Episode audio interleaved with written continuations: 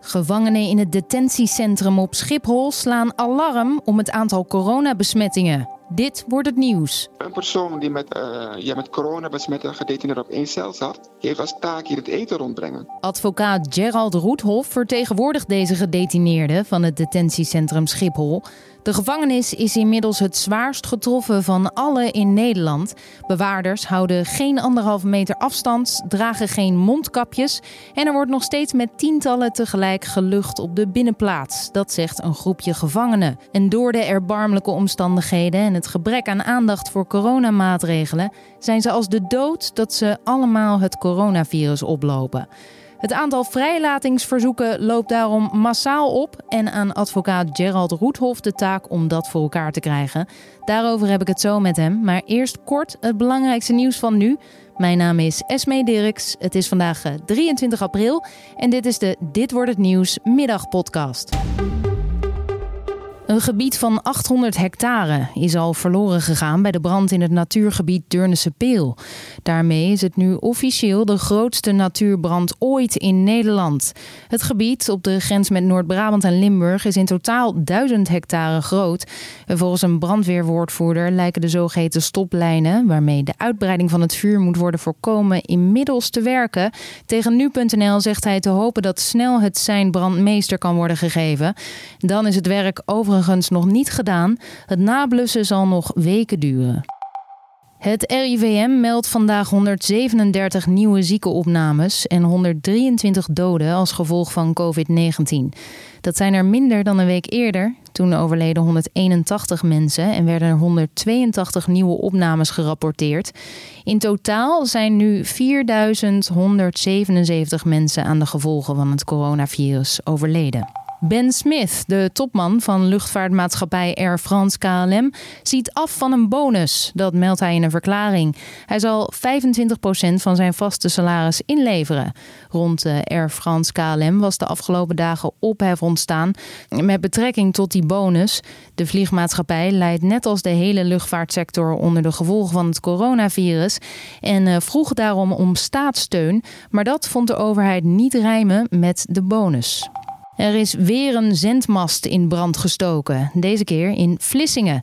En daarbij is volgens de politie aanzienlijke schade veroorzaakt. Het is eh, voor zover bekend het achttiende incident waarbij is geprobeerd een zendmast in brand te steken.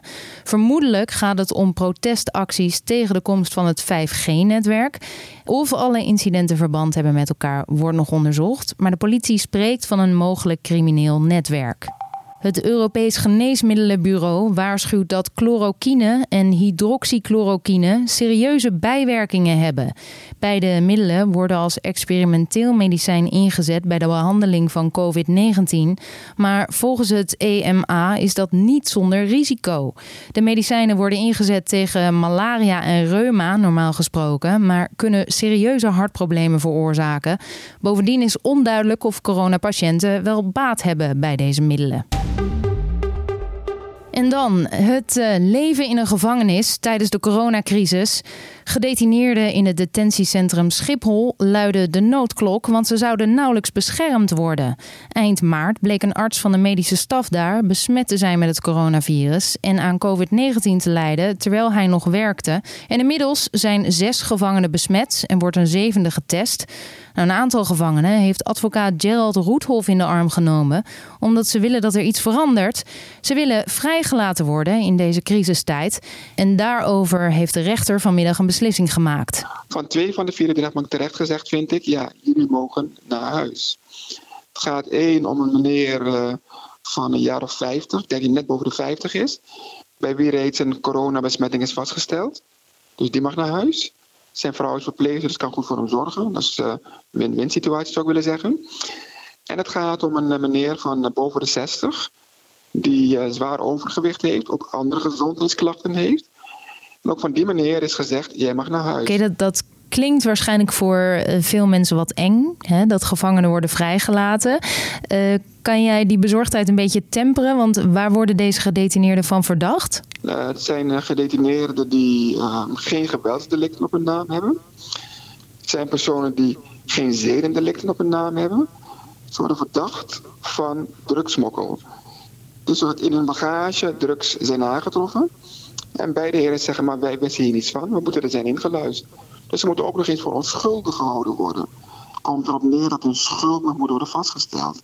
En ik vind het een keurige beslissing van de rechtbank dat in zo'n situatie inderdaad zegt dan laat ik jou in afwachting van je berechting vrij. En je had nog twee andere cliënten? En die moesten wel blijven. Eén is een uh, ja, fitte jonge man, zou ik willen zeggen, van 19 jaar oud. Die verdacht werd van uh, ja, enkele berovingen. En ik had nog een andere meneer, die zit in een uitleveringszaak. Met een buitenlandse afkomst. Die is ook niet geschorst. En ik denk dat het daarmee te maken heeft dat toch de rechtbank het vluchtgevaar in zijn zaak te groot vond dat toch het idee van ja, als we hem vrijlaten, dan uh, verdwijnt hij. Hmm, Oké. En daar, daar leg jij je ook bij neer? Uh, ik leg mij niet snel bij uh, zaken neer, maar ik maak afwegingen. En je moet het eerst nog met de cliënt bespreken, dus ik kijk er nog even naar. Ja, want jij bent daar nu geregeld bij het detentiecentrum en jij ziet dan welke tafereelen zich daar afspelen. wat zijn de klachten en, en zijn ze terecht, vind jij? Kijk, de jongens die zijn zeer bezorgd.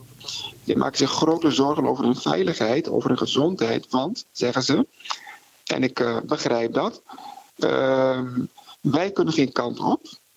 We zitten op een afdeling opgesloten waar het virus zich aan het verspreiden is. Meerdere personen op de afdeling die zijn besmet geworden.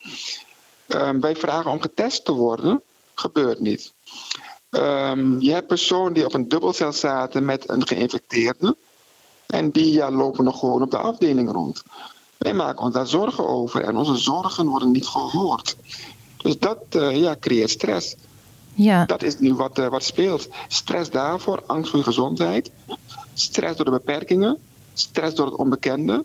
Stress omdat men vindt dat uh, binnen de inrichting toch niemand zich kan houden of houdt aan die anderhalf meter afstand die buiten de inrichting zo ja, gepromoot wordt, die ingeprent wordt, die buiten de inrichting gehandhaafd wordt. Je hebt mensen die boetes van honderden euro's krijgen, als ze met een, met een drie bij elkaar zitten. Uh, en hier zitten mensen met z'n uh, hoeveel? Tien en twintigen op elkaar en uh, dat kan gewoon. Ja, en, en een van de klachten is ook dat bewaarders zich niet aan die afstand houden. Het lijkt me voor een detineerde moeilijk om, uh, om zo iemand daarop aan te spreken. Klopt, dat is inderdaad een klacht. Uh, ik moet zeggen, ik vind dat veel bewaarders van goede wil zijn. Dat zie ik echt. Maar de gebouwen zijn hier niet op berekend. Dus als zo'n bewaarder afstand willen houden, je hebt bepaalde ruimtes waarin de bewaarders ja, zich bevinden. Uh, dan, uh, dat zijn ruimtes van enkele vierkante meters, waarbij dan uh, meerdere bewakers daar bij elkaar zitten. Uh, als de bewaarders geen uh, middelen gegeven worden, geen mondkapjes gegeven worden. Ik bedoel, ja, hoe kunnen hun dan de situatie oplossen? Dit moet van bovenaan komen, van bovenaf komen. Ja. En zoals ik het zie, gaat het daar in mijn optiek volledig mis. Het klinkt haast alsof er helemaal niks is veranderd binnen dat detentiecentrum. Uh, laat me het zo zeggen, de muren zijn hetzelfde. De kamers zijn even groot. Er zitten evenveel gedetineerden binnen. Het is zo dat uh, in het detentiecentrum er evenveel personeel is.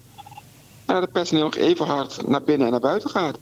En dat het personeel nog steeds geen mondkapjes, et cetera, heeft. Het is dat het nog steeds zo is dat er één kleine ruimte per afdeling is waar de heren kunnen koken. En dan kan je koken uh, op een beperkt, ja, in een beperkte tijd moet je dan koken met alle gedetineerden samen. Ga je dan die keuken in. Bedoel, de wijze waarop er uh, ja, waarop de orde gehandhaafd wordt, of waarop men de orde wil handhaven, de wijze waarop het leven is ingericht, is niet veranderd. Wat is er wel veranderd sinds corona? Of, of is het ja, gewoon helemaal hetzelfde? Wat ik kan noemen is dat uh, sinds corona uh, gedetineerden geen familiebezoek meer krijgen. Wat extra stress creëert. Dat sinds corona gedetineerden minder kunnen sporten. Waardoor ze die uitlaatklep niet meer hebben. Dat sinds corona gedetineerden niet meer, althans veel beperkter, naar de kerk toe kunnen. Of naar de imam toe kunnen. Maar ook, om het zo te zeggen, ze hun geestelijke rust niet kunnen krijgen. Dat uh, sinds corona gedetineerden meer achter de deur zitten. Uh, waardoor inderdaad ook de spanning toeneemt. Dat is wat er verandert concreet. Wat gedetineerden concreet zien veranderen. Ja, maar aan hun veiligheid wordt dus niks gedaan. In die zin is uh, daar niks aan veranderd. Is, dat is in ieder geval niet wat ze zien.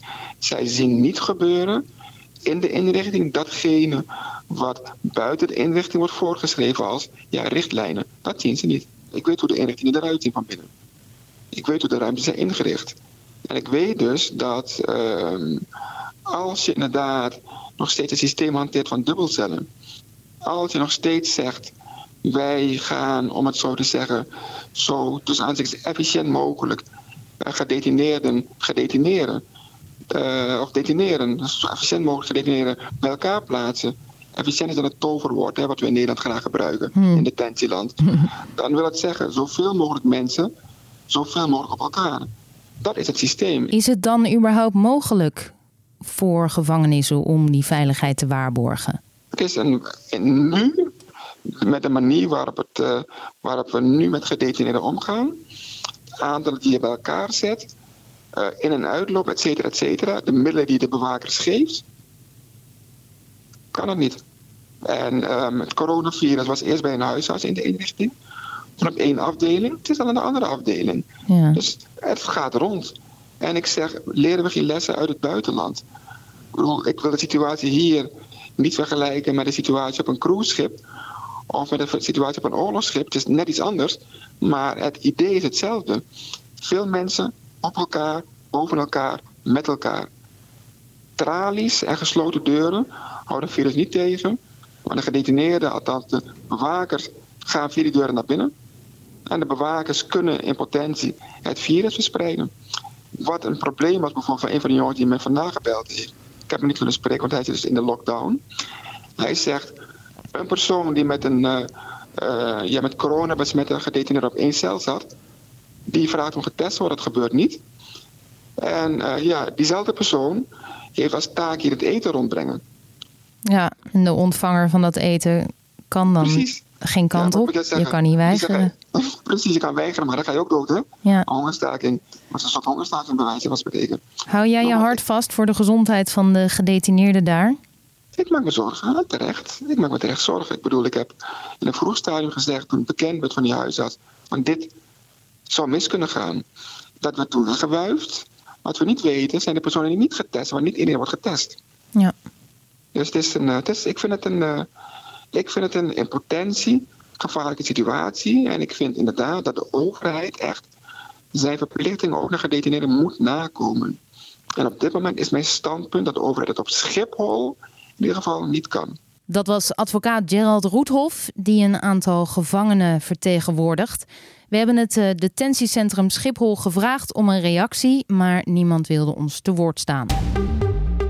Dan het weer. Een uh, zonnige dag gaat over in een zonnige avond. Van noord naar zuid is het 20 tot 24 graden. Op de Wadden wat kouder.